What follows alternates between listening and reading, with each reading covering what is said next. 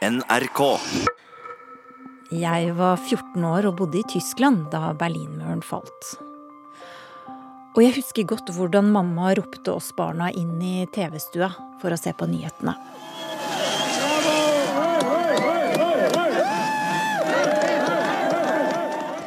Jeg så folk som omfavnet hverandre i gledesrus, og de hjalp hverandre opp på muren. Noen gikk til og med løs på den med hakker. Og jeg husker køene av de karakteristiske østtyske bilene som sneglet seg over grensen mot vest, uten at noen stoppa dem. Jeg husker også hvordan de samme bilene ble stående med åpne pansere langs autobanen, mens røyken sto opp fra overopphetede motorer. De var rett og slett ikke konstruert for den høye hastigheten på veiene i vest. Vi trodde kanskje alle sammen den gangen at vi skulle bli gjenforent i ett samla Europa. Men 30 år senere så blåser det en mørkeblå vind som splitter kontinentet. Hva skjedde? I Polen styrer det nasjonalkonservative partiet Lov og rettferdighet. Krig og fred med Tore Moland og Elisabeth Onsum. Du kan jo forestille deg hva som hadde skjedd hvis eh, Erna Solberg, Siv Jensen, Trine Skei Grande og Kjell Ingolf Ropstad, som leder av den nye liksom, regjeringen, hadde bestemt seg for at de skulle utsette alle NRK-journalister med en konservativ troskapstest for å sjekke om de virkelig liksom støttet den nye regjeringen og avsatte alle som ikke lovet lojalitet etter denne testen. Eller at de bestemte seg for å fjerne Høyesteretts politiske uavhengighet og ansatte et flertall av sine dommere, f.eks. som eh, støttet Fremskrittspartiets politikk. Eller at de endret læreplanen i skolen slik at liksom norske verdier, bare det norske, kanonen, ble enerådende at man ikke skulle tenke på liksom, ja, men fins det noen andre impulser enn det rene norske. Og f.eks. bestemte seg for at ja, nei, nå skal vi stramme inn abortloven, som er allerede Europas strengeste, slik at eh, voldtatte kvinner også eh, skal ikke ha tilgang til abort. Altså, du kan tenke deg liksom hvordan du ville reagert da, hvis, hvis det hadde skjedd i Norge. Så, så det, for, for, meg så var det liksom utenkelig, rett og slett. Altså, kan Skjer dette virkelig? I 2015, 16, 17, altså i moderne tid, når Polen har kjempet så lenge for å ha demokrati, altså tredelingen av makten, altså sånne helt grunnleggende ting, da. Hei, jeg heter eh, Leif Igor Devold. Jeg jobber på NTNU og er eh, universitetslektor. Når det gjelder min bakgrunn, så er jeg halvt polsk og halvt norsk nesten svensk, med andre ord. Oppvokst i Norge, men studert seks år i Polen. Og min kone er fra Polen, og min mor er fra Polen, så eh, jeg føler meg ganske polsk, selv om jeg har bodd nå i Norge siden 2009. Mor hadde jo en leilighet i Warszawa. Jeg husker at jeg liksom i de, noen blokker, sånn veldig sånn typisk uh, gråe polske blokker som man liksom kjenner fra Kislovskij sine filmer eller østeuropeisk film generelt. da. Og det husker jeg at jeg lekte på sånn lekeplass og så disse blokkene og um, Den leiligheten husker jeg fra barndommen. og uh, Ellers så reiste jeg jo veldig mye til Eller forholdsvis mye til Polen gjennom oppveksten i ung alder, så jeg husker jo kommunismen i Polen. Altså på 80-tallet. Da reiste jeg jo på sånne sommerleire for polakker bosatt i utlandet, og vi hadde sånne røde skjerf og sang Internasjonalen. og Det var uh, virkelig sånn uh, kommunistiske leire, da, rett og slett, for, uh, for diaspora, da, eller for polakker bosatt i utlandet. Polonia kaller man det i Polen. Mm. Polen har jo en ekstremt stor del av de som er polakker, bor jo ikke i Polen. Altså, Den nest største byen som er polsk i verden, det er Chicago. Der bor det én million polakker. Sånn at det bor, Jeg tror det er et sted mellom 10 og 20 millioner polakker bor utenfor Polen. De hadde faktisk sånne leire da, på 80-tallet for, for polak, polske barn bosatt i utlandet, hvor man kunne komme og måte bli litt kjent. Jeg husker at vi Hver eh, mandag så kom det cola til den lokale kiosken. Vi var jo veldig mange da som var fra Vesten, mange, mange av oss. Eh, som, og vi hadde jo veldig mye penger på den tiden. altså liksom lommepengene våre.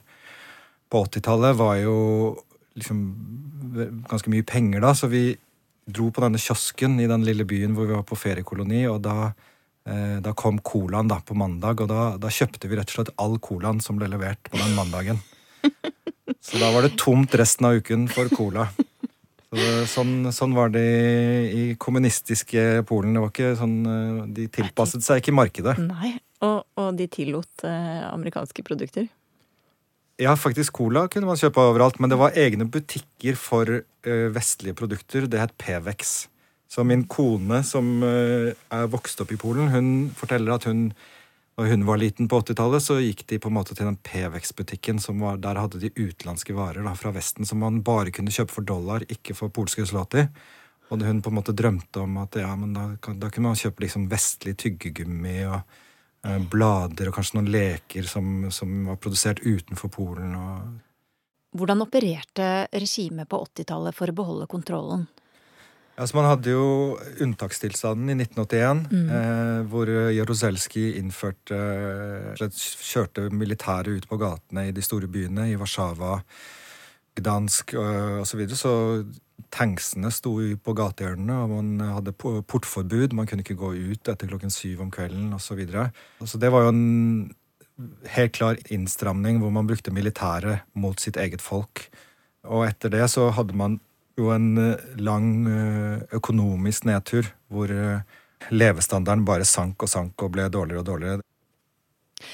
Og så kommer 1989, og hvor er du når muren faller? og grensene mellom øst og vest åpnes?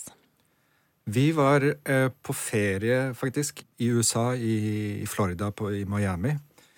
Eh, men jeg husker fortsatt liksom, den følelsen av uvirkelighet når vi satt på hotellrommet da, eh, liksom på den andre siden av eh, Atlanterhavet og, og, så at ja, nå faller faktisk Berlinmuren. Det var, det var helt sånn uvirkelig for oss, og jeg kan tenke meg det var enda mer uvirkelig for min mor. Ja, hva sa hun? Ja, altså Den generasjonen der, som, som på en måte babyboom-generasjonen De var jo født Min mor er født etter andre verdenskrig, og jeg tror veldig få av de hadde noensinne trodd at Polen skulle slutte å være kommunistisk. Det var snakk om at man skulle få et bedre styresett. At man skulle kanskje bli mer sosialistisk istedenfor kommunistisk. Men at eh, muren faktisk skulle falle, og at man skulle oppleve en demokratisering av Polen og hele Øst-Europa etter hvert, det tror jeg var veldig uvirkelig for henne og, og veldig mange. Resultatene etter søndagens historiske valg ser ut til å overgå selv de mest optimistiske forhåndstips fra Solidaritet. Allerede før Berlinmuren falt, var Polen først ute øst for jernteppet med å holde bortimot frie og demokratiske valg. I april 1989 sa kommunistpartiet fra seg sitt maktmonopol, og i juni samme år ble valget en overlegen seier for demokratiforkjemperen Lech Walesa og hans solidaritet. Szanowni Państwo, drodzy przyjaciele, wszystko wskazuje na to, że wygraliśmy te wybory. Wygrali... I dag er det det nasjonalkonservative Lov- og rettferdighetspartiet som styrer Polen. Ved valget i 2015 fikk Jaroslav Kaczynski og partiet hans rent flertall i begge kamrene i det polske parlamentet. Siden har de gjennomført reformer som blir beskyldt for å være antidemokratiske. Jeg kunne på en måte aldri forestilt meg de årene jeg bodde i Polen, fra 2002 til 2009, at vi skulle havne i den situasjonen vi har gjort i dag. Det første alvorlige er tegn på at her kunne det være problemer med oppfattelse av rettsstat og demokrati. Det kom to år etter den store østutvidelsen i 2004. Og det var ved det ungarske valget i 2006. Valgkampen da sto mellom en sosialdemokratisk liberal allianse på den ene siden, og på den andre siden Viktor Orbans parti Fides, som hadde begynt som et liberalt parti, men etter hvert gått over til en Gått bort fra den type konservatisme som fokuserer på individ og marked, og over til en type litt mer mørkebrun, kanskje, konservatisme som fokuserer på stat og nasjon og verdier. Ja, jeg heter eh, Nikolai Sitter, eller Nick Sitter, og jeg jobber på Handelshøyskolen BI. Og jeg jobber også ved Det sentraleuropeiske universitetet i Budapest. Jeg er professor på begge de to universitetene. Jeg tenker at i Viktor Orbans tilfelle, i motsetning til Kaczynski-brødrene i Polen, med, med Lov- og rettferdighetspartiet, så var det faktisk en pragmatisk eh, strategi. Rett og slett at dette var en god måte å vinne valg på. Å kritisere markedskapitalisme og snakke om nasjonsbygning i stedet. Og det fungerte som bare det. Det andre store tegnet kom to år senere, i konflikten mellom president og statsminister i Romania, hvor Viktor Ponta da ble utsatt for ganske skarp kritikk av EU og måtte legge inn, eh, legge inn årene litt. Så der klarte EU å sette en grense. Og den tredje virkelig klare utviklingen, som gjorde at dette ikke bare var ett enkelttilfelle, eller ikke bare var et sammentreff, men begynte å bli et mønster, det kom ved valget i Polen i oktober 2015. Da konkurransen virkelig sto mellom det markedsliberale Høyre på den ene siden, Donald Tusks parti, og Jaroslav Kaczynskis Lov og rettferdighet på den høyrepopulistiske siden. Sistnevnte vant valget og ga seg med én gang i kast med å um, fjerne rettsvesenets uavhengighet. Hvorfor fungerer nasjonalismen sånn som du ser det? Spørsmålet er vel hvorfor fungerer nasjonalisme som politisk strategi? Hvorfor kan partier vinne så mye oppslutning ved å spille um, på nasjonalisme? Det har litt forskjellige svar i de, for, i, i de to landene vi snakker om, Uh, Polen og Ungarn. I Polen så er nasjonalismen rettet mot Russland og trusselen fra Russland. Eh, I Ungarn så er den rettet mot nabostatene og misnøyen med at, um, at, at Ungarn mistet store deler av landet etter første verdenskrig. Som den ungarske statsminister liker å si, Ungarn er det eneste landet som bare grenser til seg selv. Eh, men i begge tilfeller så du så ligger nasjonalismen der som et historisk bakteppe. Og så blir spørsmålet hvilke politiske aktører kan dra nytte av dette? Det er vanskelig å gjøre hvis du er markedsliberal eller individorientert, à la Høyre i Norge. Det er vanskelig å gjøre hvis du er vestorientert og sosialdemokratisk. Men det er forholdsvis lett å gjøre hvis du er et populistisk parti enten på høyresiden eller på venstresiden, gitt at hele poenget med populisme er å stille, er å stille folket opp mot eliten. Og når du stiller folket opp mot eliten, så er spørsmålet hvem er folket? Nasjonen er folket, i det svaret. Det gjør at politikere som Kaczynski og Orban kan fremstille seg en del, som en del av folket mot eliten. På tross av at dette er Det finnes nesten ikke mer elitepolitikere enn en folk som har, ikke har gjort noe annet enn å være i politikken. Hello, hello. Okay, uh, my name is Jarosław Kuisz. Uh, I, I'm an editor-in-chief of Kultura Liberalna, the Internet Weekly, and I also work at the University of Warsaw. This is a big question, what it means to be on the far right. I have the difficulty in saying that because, of course, uh, to simplify the story, I could say, yeah, sure, they are from the far right. But, uh, for example, the far right that we associate in Europe would be, for example, uh, Front National, now Rassemblement National with, with Marine Le Pen. And you know how highly Eurosceptical she is. Here is the question, how could you compare her program with the program of Kaczynski? This is the, the big question that we rarely tend to answer, but at least Kaczynski underlines, whether we like it or not, uh, that uh, he wouldn't like to leave Europe, that he wouldn't like to leave the European Union, in spite of all the criticism that he has against the European uh, Union.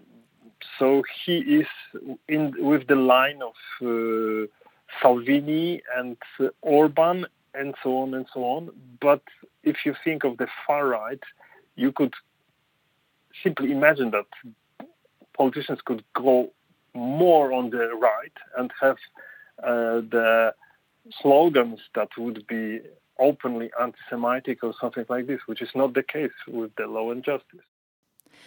What would you say is the main difference between the political situation in Poland and in Hungary? Well, I think that the main difference is that in Poland the opposition could win. There was no collapse of the opposition as it used to be in in uh, Hungary. Uh, and I think that uh, Jarosław Kaczynski, uh, it was visible now in the local elections, could lose his power, and uh, that the opposition in Poland is still strong. So I think that Viktor Orban is much more. It, it would be much more difficult to, to remove him, him from power than Jarosław Kaczynski. Seven, six, pięć, cztery, trzy,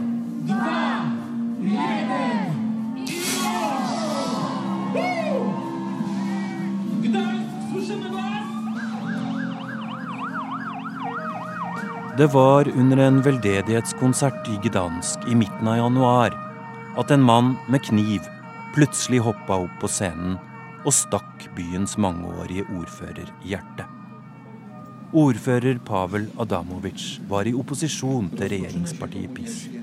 Han var særlig aktiv i kampen mot regjeringens forsøk på å ta sterkere kontroll over rettsapparatet i Polen. Pavel Adamovic døde på sykehus dagen etterpå. 45 000 mennesker deltok i begravelsen hans. Nei, det er en, først og fremst en tragedie, det som skjedde. Det, det er en, antageligvis også en ikke bare politisk motivert, men det er jo en mentalt til dels ustabil person. Eh, men det man snakker om da i etterkant, er at eh, man ved den retorikken som har blitt ført, eh, og det politiske klimaet som har blitt innført, med en slags deling mellom oss og dem, polariseringen og den, den, den hatretorikken, propagandaen som blir innført, måten man snakker om hverandre på i, i, i, den offentlige debatten, den er med på å legge til rette eller gjøre at enkelte personer som, som, kanskje normalt ikke ville oppført seg sånn, føler at de har en rett til å faktisk eh, utagere sin frustrasjon. Men Leif Igor Devold, hva er det som gjør at folk stemmer på dette partiet? De har rett og slett lovt folk å hjelpe dem ut av den lave levestandard de er. De øker barnebidrag, de eh, innfører høyere minstelønn, og de støtter også en slags patriotisk tanke om at nå skal vi polakker ta den plassen vi fortjener. Eh, og hva mener jeg med det? det jo, det er Altså, vi Polakkene føler jo at de er en viktig nasjon i Europa. Eh, og man har følt at man har hatt et mindreverdighetskompleks overfor Vesten, og, og, og, nå tilbyr på en måte PIS en, eh, en, en, stolthet og tro på seg selv. Det er på en måte den nasjonalistiske siden av dem. Og så har de samtidig den sosiale siden hvor de eh, tar vare på arbeiderklassen. Eh, og øker da sosiale stønader eh, jobber tøffere med å kreve inn skatter fra overklassen. Og på en måte opererer litt som en slags Robin Hood. Da. Og de som føler seg eh, at de ikke har fått tatt del i den veksten som var etter at Polen eh, har gått inn i EU i 2004, de stemmer på piss for å eh, gjenvinne en slags eh, verdighet, rett og slett. Hvis du ikke har råd til å kjøpe dine barn ordentlige klær, hvis du ikke har råd til å Altså selv sånne enkle ting til å reise på ferie. Hvis du kan bli sparket fra din jobb på dagen, hvis du ikke har noen rettigheter, så er, er, blir dette med liksom, ja, men høyesterett og liksom ja, tredeling av makten, det, det, blir litt irrelevant når du, ikke, når du liksom sliter med å, å få mat på bordet. Hvor trygt sitter Kaczynski? Jeg tenker at Eh, Kaczynskis regjering eller regime er et typisk eksempel på det vi nå kan kalle litt myke autoritære regimer. Og de sitter nok mindre trygt enn en, en, en, det av og til kan se ut som. Jeg tenker De to største utfordringene for den type regimer kan være enten at de begår feil, eller at det skjer uventede ting som de ikke har kontroll på. Og mordet på borgermesteren i Gdansk er en sånn typisk uventet ting som de ikke har kontroll på, som de ikke vet hvordan de skal reagere på, og som kan, som kan sette i gang en utvikling som lar opposisjonen virkelig få mobilisert. Og, og, og det tenker jeg har blitt mye verre for dem, fordi de har jo begått en slags feil ved å presse denne polariseringen, disse hatske uttalelsene mot, mot, mot, liberale, men også spesielt eh, alt, alt, fra kjønnsstudier til homofile, såpass langt at det har skapt et slags miljø eller grobunn for den type ting som skjedde i Gdansk. Så det kan bli en virkelig utfordring eh, for den polske regjeringen i et år hvor vi tross alt skal ha, ha to viktige valg.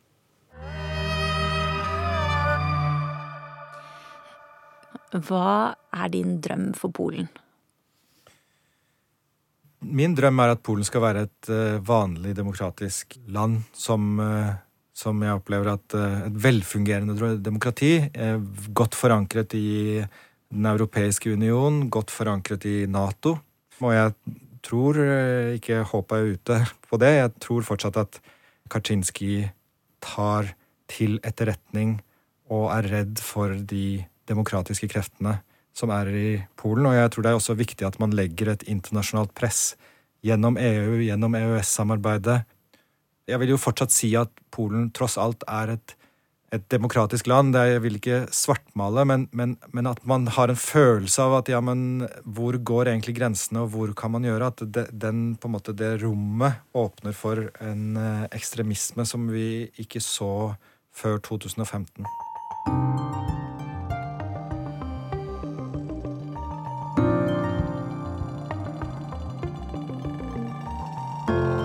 Du har hørt Krig og fred.